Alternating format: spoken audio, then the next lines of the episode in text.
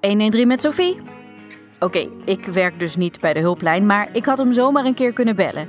Ik ben denk ik wat je noemt melancholiek aangelegd en bij vlagen echt ernstig depressief geweest. In de afgelopen jaren heb ik dan ook wel eens heel soms gedacht: misschien wil ik wel dat dit ophoudt.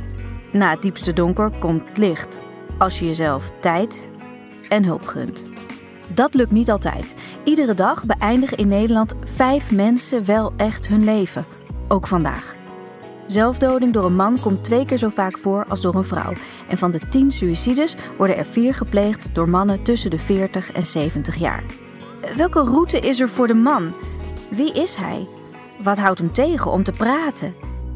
De vraag die ik in deze vierdelige Linda.nl podcast wil beantwoorden is: waarom praten mannen niet?